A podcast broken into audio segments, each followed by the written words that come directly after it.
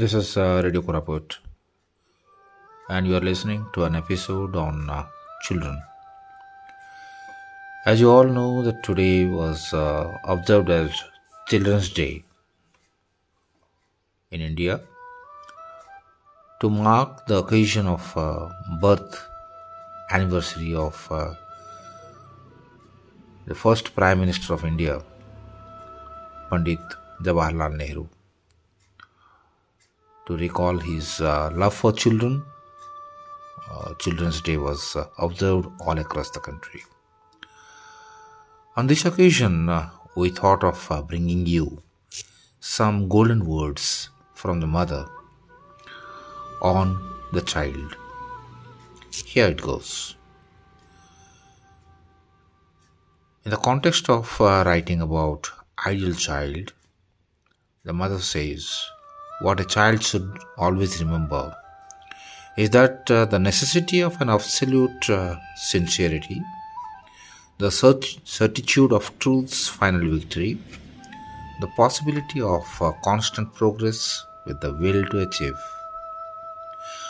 An idle child is good tempered. He doesn't become angry when things seem to go against him or decisions are not in his favor.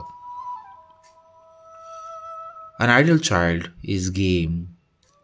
Whatever he does, he does it to the best of his capacity and keeps on doing in the face of almost certain failure. He always thinks straight and acts straight. An ideal child is truthful. He never fears to say the truth, whatever may be the consequences. He is patient he doesn't get uh, disheartened if he has to wait a long time to see the results of his efforts. An idle child is enduring.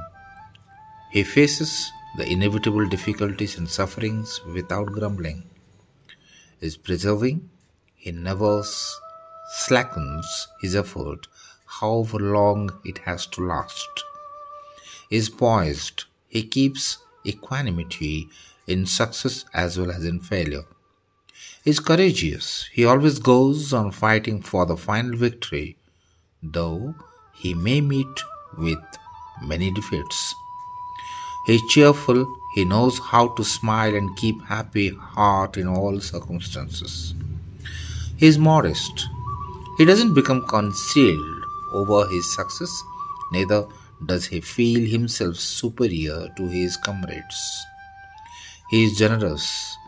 He appreciates the meal merits of others and is always ready to help another to succeed. He is fair and obedient. He observes the discipline and is always honest. In a nutshell, the ideal child likes to study when he is in school. He likes to play when he is in the playground. He likes to eat at mealtime. He likes to sleep at bedtime. And always he is full of love for all those around him, full of confidence in the divine's grace, full of deep respect for the divine. With these uh, golden words from the mother on the child, the ideal child, let us introspect our perceptions and our thoughts about the children and on this Children's Day, let us take the pledge that we will be standing with the child no matter what the circumstances may be to realize that the child could be an ideal child. Thank you for listening to Radio Koraput. You were listening to an episode on the child on the occasion of uh, Children's Day in India today. Thank you. Thank you again. Namaskar.